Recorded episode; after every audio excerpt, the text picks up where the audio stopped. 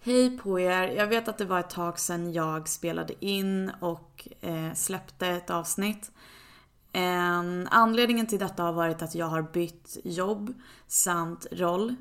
Eh, vilket gör att, ja, man får prioritera om helt enkelt saker i livet och det har eh, blivit så att jag valde att fokusera på att komma in i min roll och bara ta in alla nya intryck från jobbet. Ehm, men med det sagt så nu är vi igång med att spela in flera avsnitt.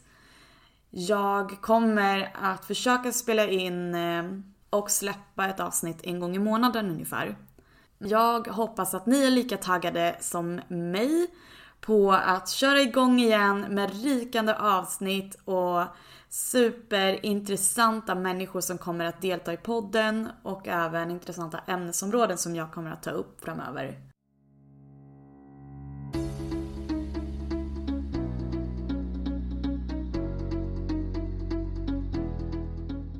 Hej och välkomna till ett avsnitt av Analytics för alla med mig Sadaf. Och i dagens avsnitt så har jag med mig ingen mindre än Helena Gyrulf som är verksamhetschef på Tekniksprånget. Eh, välkommen måste jag säga. Tack, Tack så mycket. Det är jättekul att ha dig här. Eh, även om det är digitalt, måste vi ändå medge.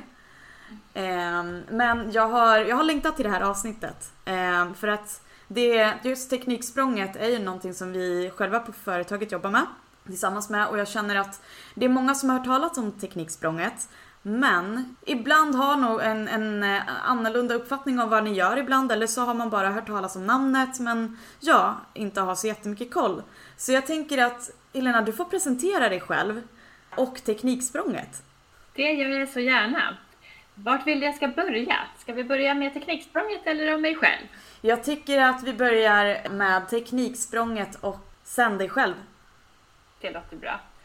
Eh, då kan jag berätta vad Tekniksprånget är eh, och det är ett praktikprogram som syftar till att inspirera fler unga till att välja en högre teknisk utbildning, att, att bli ingenjör eller något eh, liknande då. och de vi riktar oss till det är unga som gått ut gymnasiet från natur eller teknikprogrammet, alltså de som är behöriga för högre tekniska studier. Eh, och det är åldersgruppen mellan 18 och 20 år vi riktar oss till. Så det, det, är det här spannet mellan gymnasiet men innan man har börjat studera vidare på, på universitet och högskolor. Eh, så då är det en, en, praktik på fyra månader där man är ute hos eh, en arbetsgivare eh, någonstans i Sverige eh, och får testa på ingenjörsyrket och se vad, vad gör en ingenjör och därigenom bli eh, inspirerad till att vilja plugga vidare och få en målbild vad, vad studierna leder till. Så det är väl den korta beskrivningen vad Tekniksprånget är. Mm, spännande. Mm. Om vi går in på dig då. Mm. Vem är Helena och vad är din roll och vad gör du där? Ja men precis. Jag är verksamhetschef för Tekniksprånget. Så jag leder de medarbetare som jobbar för att Tekniksprånget ska bli verklighet. Eh, och det vi gör här på Tekniksprånget, det är ju till stor del att få jobba för att fler arbetsgivare ska ta emot praktikanter. Eh, så att vi, vi eh, tar kontakt med arbetsgivare i hela Sverige, både privata och offentliga, för att att eh, berätta om Tekniksprånget och, och vilken nytta det ger att ha, att ha praktikanter hos sig. Ehm, så så det är en stor del av jobbet att, att, få fler arbetsgivare med, men också de som redan är med, precis som ni, att, att eh, fortsätta vilja vara engagerade i Tekniksprånget och allra helst utöka sitt engagemang så man tar emot ännu fler praktikanter. Eh, för intresset är väldigt stort för Tekniksprånget hos, hos unga, så att det är ju långt fler sökande än som får praktikplats. Så här har vi ett stort jobb att göra, att, att möjliggöra fler praktikplatser. Eh, och sen eh, en annan del av jobbet, det är såklart att vi ska rikta oss till målgruppen och berätta att Tekniksprånget finns och möjligheten om att söka.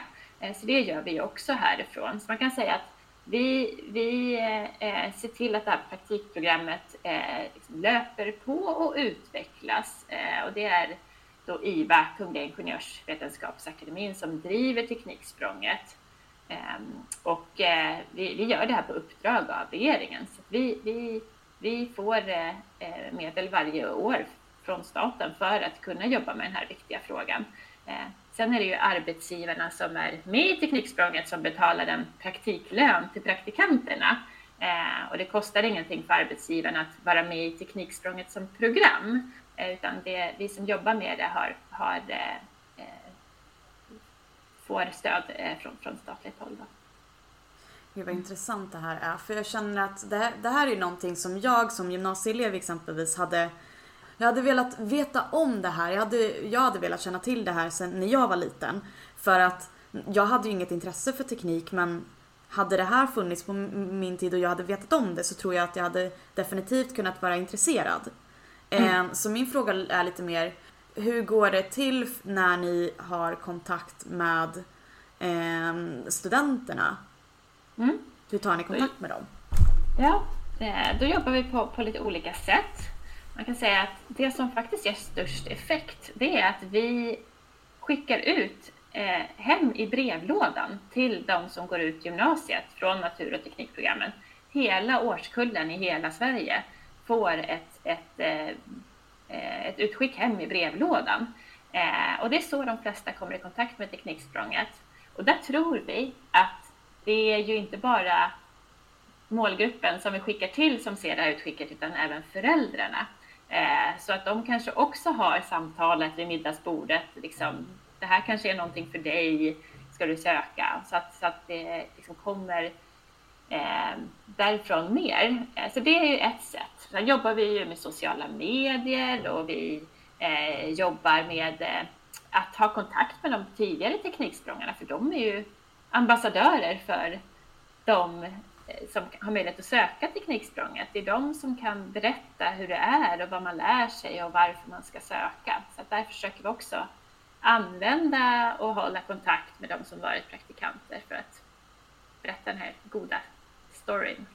Fantastiskt. Men då, då, då kommer ju nästa fråga då. Hur visste du att du ville hålla på med det här? Ja, men det, är en, eh, det kan bli ett långt svar. Nej, men precis som du nämnde här, alltså jag hade ju så gärna velat att Tekniksprånget fanns när jag gick gymnasiet. Det fanns inte då.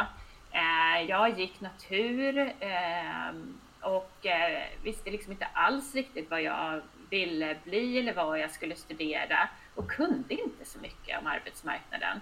Jag hade inte det med mig liksom hemifrån med liksom, vad gör en ingenjör? För att det, den, eh, jag har inte akademikerföräldrar. Eh, däremot har jag en storebror som, som valde den eh, banan att läsa till ingenjör. Så han har inspirerat mig och, och eh, pushat mig mycket, får jag säga. Men när jag gick ut gymnasiet så eh, jag var nog ganska vilsen i liksom, vilka möjligheter som, som fanns. Så att, eh, där hade ju Tekniksprånget varit guld. Eh, mitt val, jag läste ingenjör eh, och, och, det jag liksom gick på det var nog så här att ja, men vilka ämnen är jag bra på i skolan?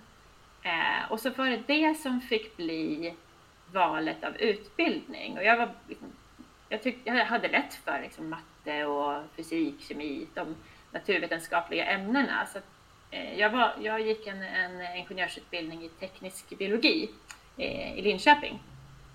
Eh, men, men helt ärligt så visste jag ju inte vad jag gav mig in på.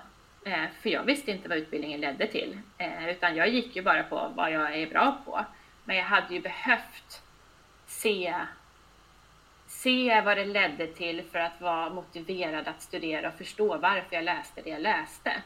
Då hade jag nog fått ut väldigt mycket mer av utbildningen än vad jag fick. Eh, jag tror att jag klarade mig igenom de här fyra och ett halvt åren, mycket på grund av fantastiska studiekamrater och att vi liksom hjälpte varandra att ta oss igenom tentorna och, och, och, det. Men jag hade behövt den här drivkraften eh, till vad kan jag bli? Eh, och det är den jag liksom brinner för nu i det här jobbet. Hur viktigt det är att liksom förstå och, och, och, testa på.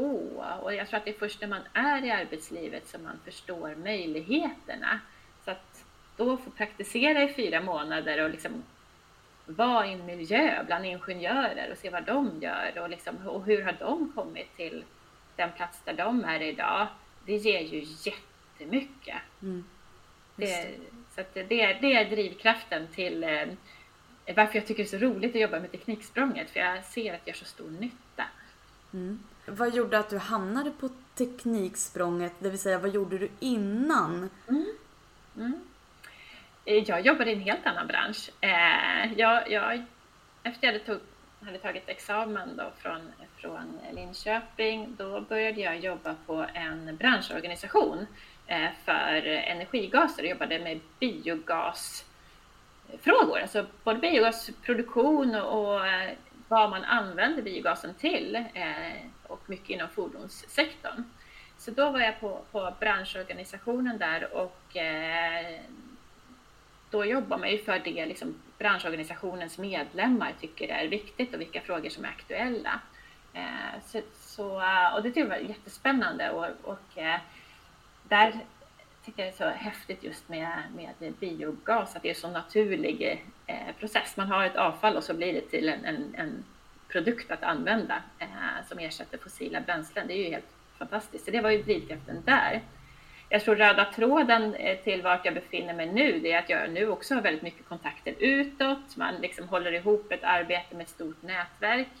Eh, det gjorde jag ju då och det, det gör jag nu. Eh, sen att ta steget därifrån och, och hit det är mycket tillfälligheter ska jag säga. Det är, för min del är det kontakter eh, som, som gjorde att det öppnades liksom, dörren hit. Eh, så, mm. och så, så är det många gånger, att det är liksom, man vet inte riktigt den här klara banan framåt, den, den, har, den vet man ju inte, utan det är mycket tillfällen och vilka man träffar och vilka man eh, kontakter man har från studietiden till exempel och som man, man eh, liksom, eh, bygger vidare på.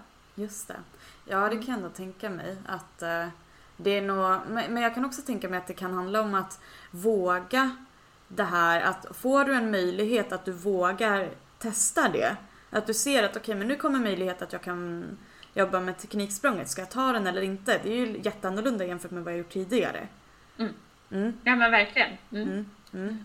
Ja. Det tror jag också att det är så nyttigt att prova på olika saker och liksom, man lär sig ju jättemycket på varje jobb man har så lär man sig otroligt mycket. Så att, eh, det tycker jag det är, det är bara spännande att testa olika branscher och olika jobb.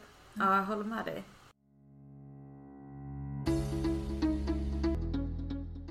Ja men intressant. Hur ser en vanlig dag ut för dig som verksamhetschef då? På Tekniksprånget? Mm.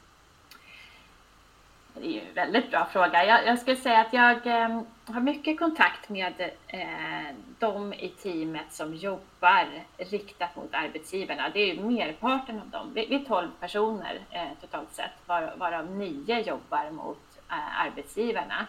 Så det blir ju mycket att liksom, eh, följa Tekniksprångets årshjul, liksom vart vi befinner oss, så, så behöver man rikta in arbetet på olika sätt. Antingen är det inför att vi ska ha en ansökningsperiod då, då vi öppnar upp vår eh, ansökningsportal som vi kallar den till att det ska vara möjligt att söka praktikplats inför nästa termin.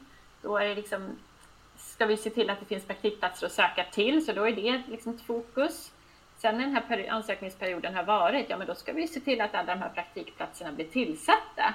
Och då blir det mycket kontakt igen med arbetsgivarna för att se till att, att rekryteringen drar igång och att alla eh, tittar på, på vilka ansökningar de har fått och gör sitt urval och intervjuar eh, kandidater för att sedan eh, ta in dem som, som praktikanter. Så det är mycket liksom ett stöd eh, för att få den här processen att rulla på mm. och utvecklas såklart, för vi vill ju hela tiden få, få fler praktikplatser och, och, och fler eh, arbetsgivare. Någonting vi ser eh, att vi, vi gärna liksom gör än mer av, det är ju att bredda mångfalden bland praktikanter. Ehm, så att fler unga som är utrikesfödda, fler unga som kommer från studieovana miljöer, att de söker teknik, Tekniksprånget och, och, och får en praktikplats. Och eh, där behöver vi verkligen eh, jobba eh, för att synas för de här målgrupperna än mer. Men också att de, de som rekryterar tekniksprångare ska rekrytera eh, kompetensbaserat eh, också så att, så att en stor andel får plats. Så att en vanlig dag, ja nu svävar jag ut kanske lite grann, men, men det är svårt att säga en vanlig dag för att mycket, alla de här frågorna är ju med hela tiden. Eh, så att det kan ju vara antingen är det eh, att jag lägger fokus mer på att stötta de som har kontakt med arbetsgivarna eller Eh, i vår kommunikation. Hur ska vi synas utåt? Eh, vart ska vi synas någonstans? Eh, och, det. och sen är det också att, att ehm, men ha kontakt både med finansiärer och eh, andra organisationer som vi har i vårt nätverk för att liksom, skapa goda relationer för, för att eh, Tekniksprånget ska, ska eh, vara med på, på näthinnan på, på alla håll och kanter. Mm. Det låter som en väldigt eh, varierad dag var, varje gång. Ja, jo, men så är det. Det ja. finns ingen dag som är den andra. Det tror jag, ja, det, det, så är det ju för väldigt, väldigt många. Man, Just det. det är svårt att förutspå hur de ska bli. Ja, men det är intressant. Det är det som gör det roligt med det som man jobbar med också. Mm. Mm. Men där, där var du inne på något intressant tycker jag. Det här med att få in, eh, att fokusera på mångfald. Eh, hur gör Tekniksprånget gällande de frågorna? Vad, är det någon metod ni har hittat att okay, men det här är en bra metod för att kunna liksom få in fler eh, med olika bakgrunder exempelvis? Mm. Ja, men det, det första man kan tänka på det är att vi ska i all vår kommunikation också visa upp mångfald bland praktikanter. Så att det kan ju vara allt ifrån bildval eh, till om vi eh, intervjuar praktikanter eller de som, som varit tidigare praktikanter så att vi också visar bredden av de som praktiserar så att man inte bara liksom går på ja, någon, någon, någon del av målgruppen om man säger så, utan att vi verkligen tänker breddar hela tiden. Eller om vi har föreläsningar, vilka föreläsare har vi då? Eh, vad har de för bakgrund? Vad är det som har drivit dem? Så att vi har med det här i vårt tänk hela tiden för att jag tror att det är otroligt viktigt att visa upp förebilder.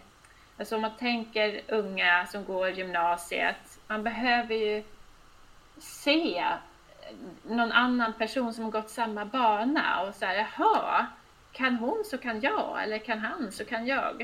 Eh, men ser man inte det så är det svårt att liksom eh, se sig själv in i framtiden. Så jag, jag, tror väldigt starkt på, på, att visa upp förebilder eh, och att vi då från vår sida gör det eh, genomtänkt helt enkelt. Så det är det ena, men sen är det ju andra att, vi, att liksom vara mer synliga, eh, exempelvis i, i eh, socialt utsatta områden, att vi jobb, samarbetar med organisationer, eh, nätverk som, där vi når de, de här målgrupperna än mer. Ehm, så att där finns det ju hur mycket jobb som helst att göra och jag tror att vi är liksom bara i början på den. Ehm, men någonstans måste man ju börja ehm, mm. och eh, vi får liksom eh, sakta men säkert ta oss fram på den banan. För jag tror att eh, liksom, ökar vi andelen praktikanter från de här underrepresenterade målgrupperna, för att kalla det då, då gör vi ju ännu större nytta. Eh, för när vi tittar på liksom, vad, vad gör Tekniksprångets praktikanter efter praktiken? Mm. Då ser vi att en väldigt stor andel väljer att studera vidare och vi ser också att de till stor del väljer högre tekniska utbildningar. Och vi ser att andelen unga kvinnor är väldigt hög hela vägen. Så om vi tittar på just kvinnorna, där har, har Tekniksprånget lyckats verkligen. Där har vi hälften unga kvinnor som praktiserar och den här andelen kvinnor följer med när de gör sitt studieval sen också. Att där ser vi att vi inspirerar fler unga kvinnor till tekniska utbildningar och det är ju en fråga som lärosätena verkligen kämpar med.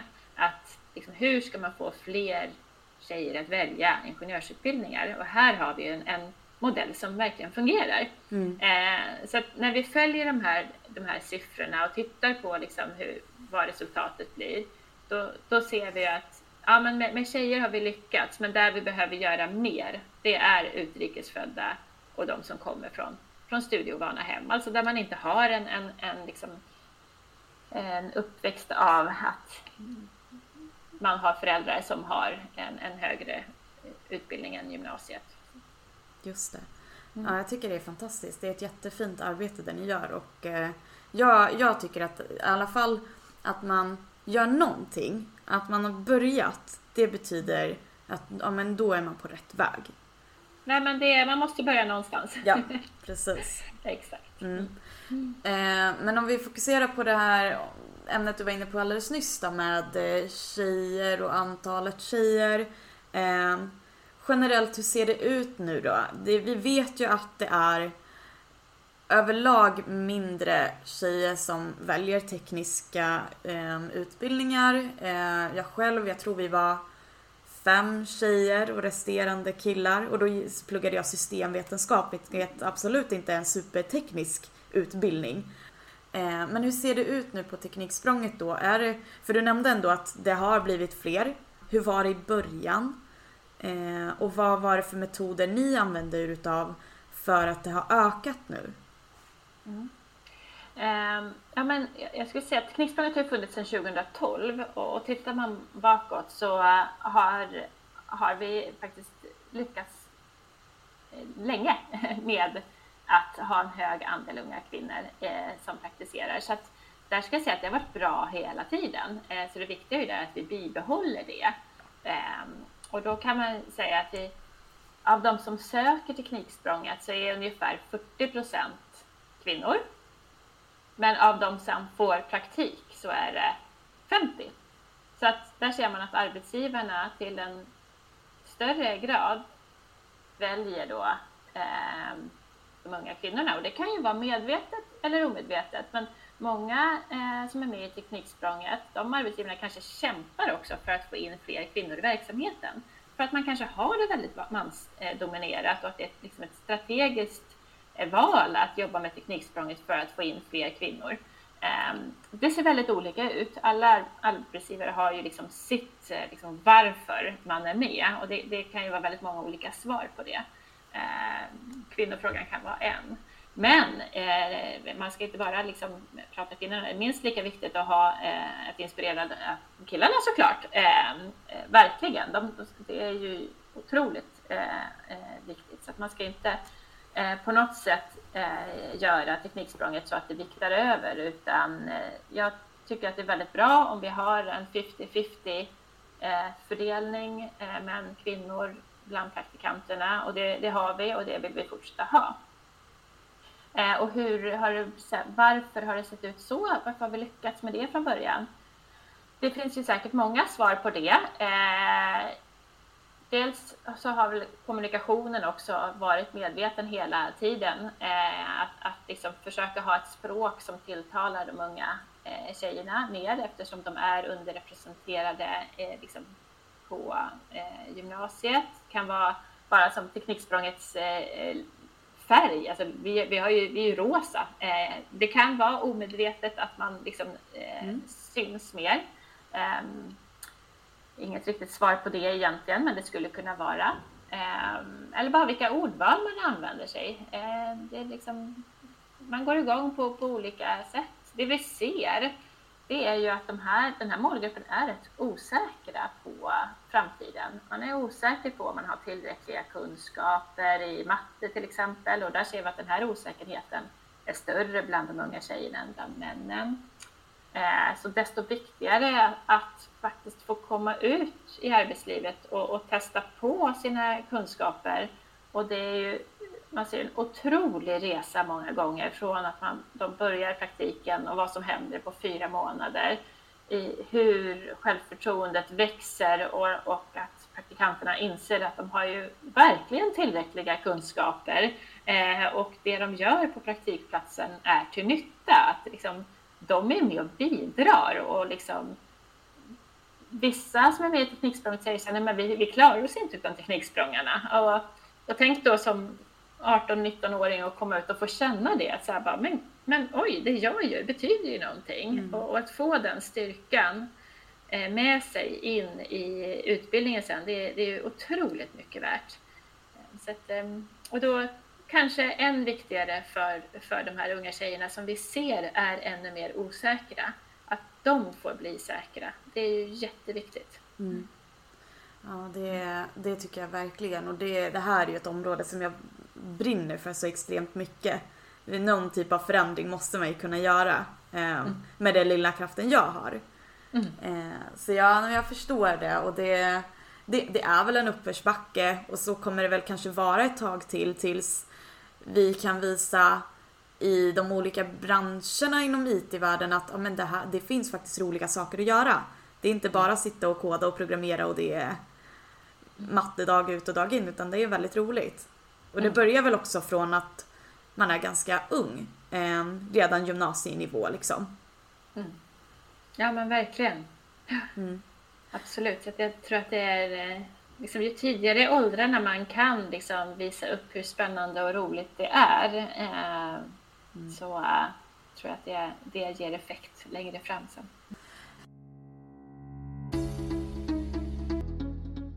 Men jag är nyfiken på, för nu eh, har ju situationen så att säga med eh, covid lugnat sig. Hur har Tekniksprånget påverkats av covid under den tiden? Mm. Vi har påverkats, absolut. Um, vi tappade praktikplatser kan man säga under den här perioden eh, när det har varit restriktioner och eh, det, det, har varit olika skäl. En del arbetsgivare har varit väldigt eh, fast vid att man vill erbjuda praktik på plats på, på jobbet och inte på distans. Eh, beroende på liksom, vilken verksamhet det är och vad man jobbar med och liksom vad, man, vad man brukar sysselsätta tekniksprångarna med. Eh, så det har varit en utmaning för, för många. Eh, jag ska säga att många har ändå valt att fortsätta och har handlat på distans och det har fungerat jättebra. Eh, så att, och då har vi frågat både tekniksprångarna och arbetsgivarna hur de ser på det och det, det, det har många gånger gått väldigt, väldigt bra, förvånansvärt bra ska jag säga. Eh, men sen har vi också de som, som hade det riktigt tufft under pandemin och eh, behövde permitteringsstöd till exempel. Och för de som ansökte om det, då kunde man inte ta emot praktikanter alls, för då har, då har man inte rätt att söka det stödet. Så att då gjorde att vi, vi tappade ganska många platser på eh, liksom de, de, större industribolagen till exempel. Men nu ser vi att vi är på väg tillbaka, det, det märks eh, och eh, det, är, eh, det tycker vi är jätteroligt. För att parallellt med att det var färre praktikplatser som kunde göras möjliga så blev ju också söktrycket till Tekniksprånget rekordstort. För att det fanns ju inte så många andra alternativ att göra. Det, det gick inte att resa efter gymnasiet. Det kanske inte fanns så mycket jobb heller om man ville jobba ett år. Eh, och vi har också hört om som, som hade tänkt börja plugga men kände så här, nej men jag vill inte plugga på distans. Då väntar jag hellre. Eh, och så söker man Tekniksprånget. Så att våra ansökningssiffror ökade men, ut, men liksom utbudet av praktikplatser minskade.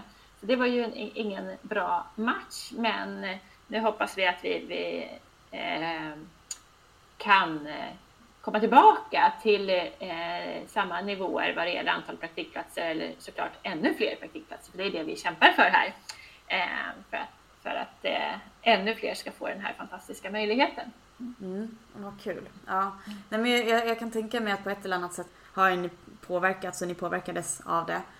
Men eh, hur många praktikplatser är det ni tar in i dagsläget? Och hur funkar liksom den processen om det är så att en, ja, men en gymnasieelev är intresserad av Tekniksprånget och eh, finns ni i fler städer?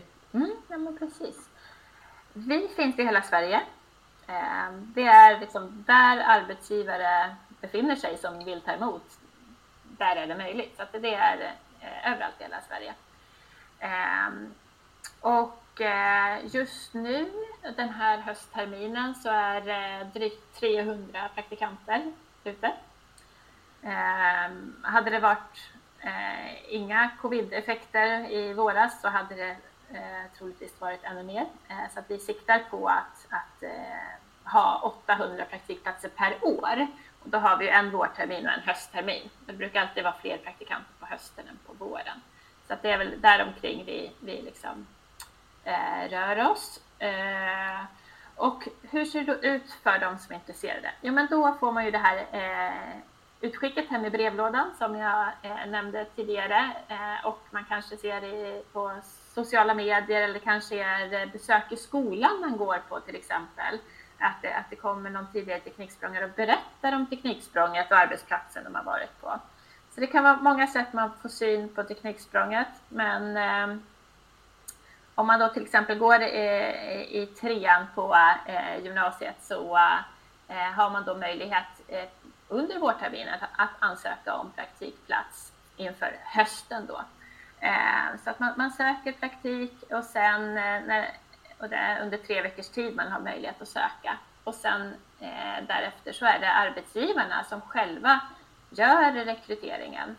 Eh, så de eh, loggar in i vårt system och ser vilka ansökningar de har fått. Och så, det är som en, en vanlig rekrytering kan man säga. Mm. Eh, och så eh, när terminen sen börjar så, så eh, välkomnas då de praktikanter som fått erbjudande om, om praktik. Så att, eh, och vi jobbar på så, så att just nu där vi befinner oss här, nu är vi i slutet av oktober, men, men nu har vi ansökningsperioden öppen här inför våren.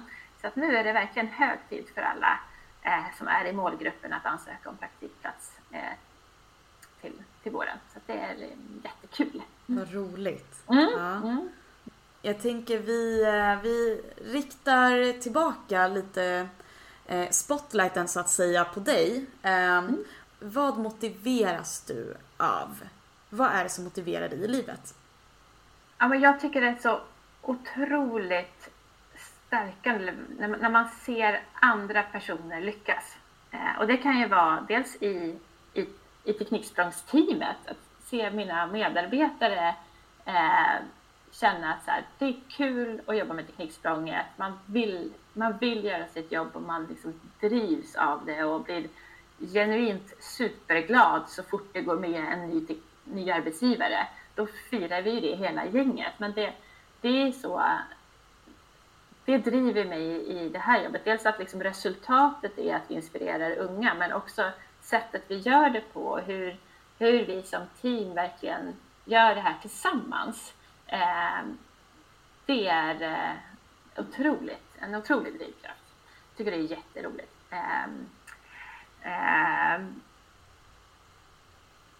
Sen skulle jag säga att liksom, jobbet är ju inte eh, liksom det man gör alla timmar på dygnet. Så att det som driver mig och, och som jag eh, brinner för utanför jobbet, det är väldigt mycket att eh, vara på vårt landställe och mm. eh, eh där jobba för att liksom, eh, det ska fortsätta vara ett, ett fint och trivsamt ställe med allt ifrån eh, liksom, eh, trädgård och skog och hus och mark eh, som är ett och, och liksom stort åtagande att underhålla.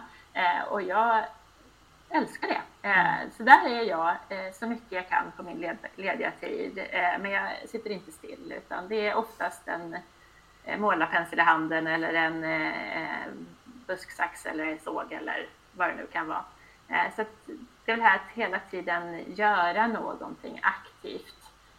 Men också mycket träning. Jag gillar skidåkning och um, familjen såklart, att få barn som, som jag tycker är fantastiskt att vara mamma till. Och där är det mycket med skola och aktiviteter och kompisar. Mm. Ja, mm. fantastiskt. Är det svårt för dig att koppla bort jobb? Jag tänker nu har ju vi alla behövt jobba hemma i över två års tid. Um, och eh, det blir ju, för mig i alla fall, så var det svårt att veta när jobbar jag och när är jag ledig. Hur funkade det för dig när, när du, um, och hur, hur gick det? Var det svårt att liksom koppla bort jobbet? Um, vad har du för tips kring det? Mm. Nu var det så att när när pandemin slog till, det var ju precis samtidigt som jag blev chef. Så jag började eh, rollen som chef med att eh, gå hem och jobba hemifrån och eh, då bli, bli, ledare för dem som var mina eh, tidigare kollegor för min egen grupp då, om man säger så. Eh, så det var ju otroligt speciellt. Eh, men jag tror också det var ganska bra för att det var så mycket som, som blev en förändring i, i en ny roll och att förstå en ny roll. Så att, att få göra det eh, hemma eh, tror jag hjälpte mig. Eh, sen är det ju väldigt mycket kontakt såklart via, eh, liksom, via videomöten och chatt och telefon och så med, med alla. Eh, men jag tror att det var lättare för mig att kunna fokusera eh, när jag satt hemma. Så att för, för min egen del har det varit positivt och också mindre eh, stress skulle jag säga vad det gäller att eh, få ihop schemat med eh, hämtningar och lämningar och aktiviteter och, och så. Att det, det, var liksom lättare att få ihop arbetsdagen när jag inte behövde restiden till jobbet.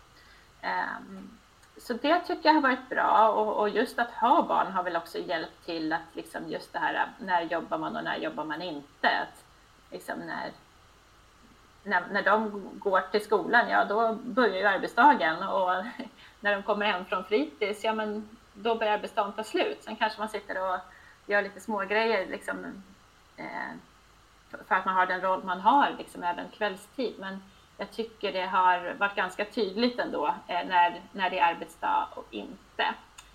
Um, mm. Ja. Mm.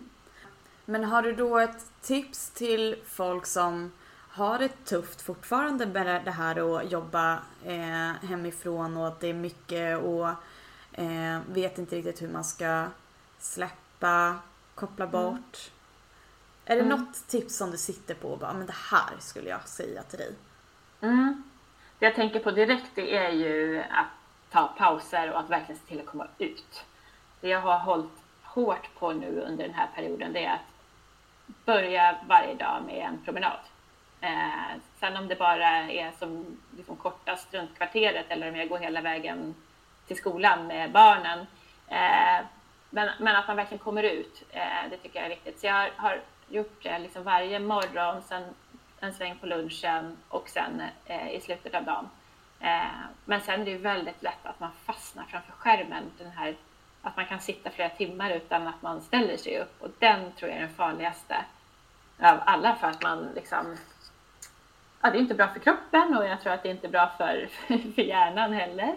Eh, så att verkligen hitta sätt att eh, ta pauser eh, faktiskt. Det är, det är bra. Men jag ska eh, erkänna att visst, jag har haft väldigt mycket jobb i huvudet eh, dygnet runt. Eh, jag tror att mycket har ju gjort att jag, att jag började den här rollen också. Eh, alltså det var en ny roll för mig och väldigt mycket tankar kring det och liksom saker som behöver landa. Och, och jag var ju ny på jobbet och även om jag hade jobbat med Tekniksprånget i flera år så var jag ju ny i den här rollen. och eh, det är mycket tankar kring det eh, såklart, vilket det behöver ha. Så jag tror att första året som chef är väl alltid en utmaning när man ska ta sig igenom allt för första gången. Mm, just det. Ja. Mm. Men det där var ett bra tips faktiskt. Det är någonting som jag själv också är väldigt dålig på. Då har jag en sista fråga till dig då. Vilket är vad skulle du ge för tips till en 18-19-åring som inte riktigt vet vad eh, hon eller han hen ska göra. Men vill ändå liksom, ja, utbilda sig, ha, eh, komma ut på en arbetsplats som är bra. Och vad ska den personen, vad skulle du ge för tips? Mitt tips är att lyssna på sina drömmar och det man tycker är roligt. Eh, eller något man ja, men brinner för. Det kan ju vara, vad tar klimatfrågan till exempel, det kan ju vara något som verkligen är så starkt. Och då kan man ju säga, men vad är, väg, vad är det liksom jag ser långt där framme och hur är vägen dit? Att man börjar i den änden istället. Istället för som jag gjorde, jag började ju helt fel. Jag började ju så här, men vad är jag bra på nu? Eh, och så valde jag utbildning efter det. Men, men jag tror att det hade gett mig så otroligt mycket mer om jag liksom såg alla möjligheter som fanns där ute och liksom hittade drivkraften där och då. Så att det är verkligen så här, lyssna på dig själv och lyssna inte på vad kompisarna tycker och tänker eller vad de ska utbilda sig till eller vilken stad de ska plugga i utan lyssna på dig själv. För att det är liksom oavsett vart, vad, vad man väljer att plugga och vart man väljer att plugga så, så, så väntar ju någonting nytt där eh, som man inte riktigt känner till men våga testa på det. Eh, det är eh, ja, det är mitt tips. Superbra tips tycker jag. Och tack så jättemycket för att du har medverkat i podden. Eh, uppskattar verkligen den tiden du har tagit. Ja, men tack själv. Ja. Jättetrevligt. Ja, men tack. Och det, ditt arbete och det fantastiska arbetet som Tekniksprånget gör. Och all lycka till er. Det, det ni gör är verkligen jätte, jättefantastiskt. Och som sagt, vi har ju två på vår arbetsplats, vilket är superkul att se. Kul! Ja. Roligt. Ja. Tack så jättemycket Helena.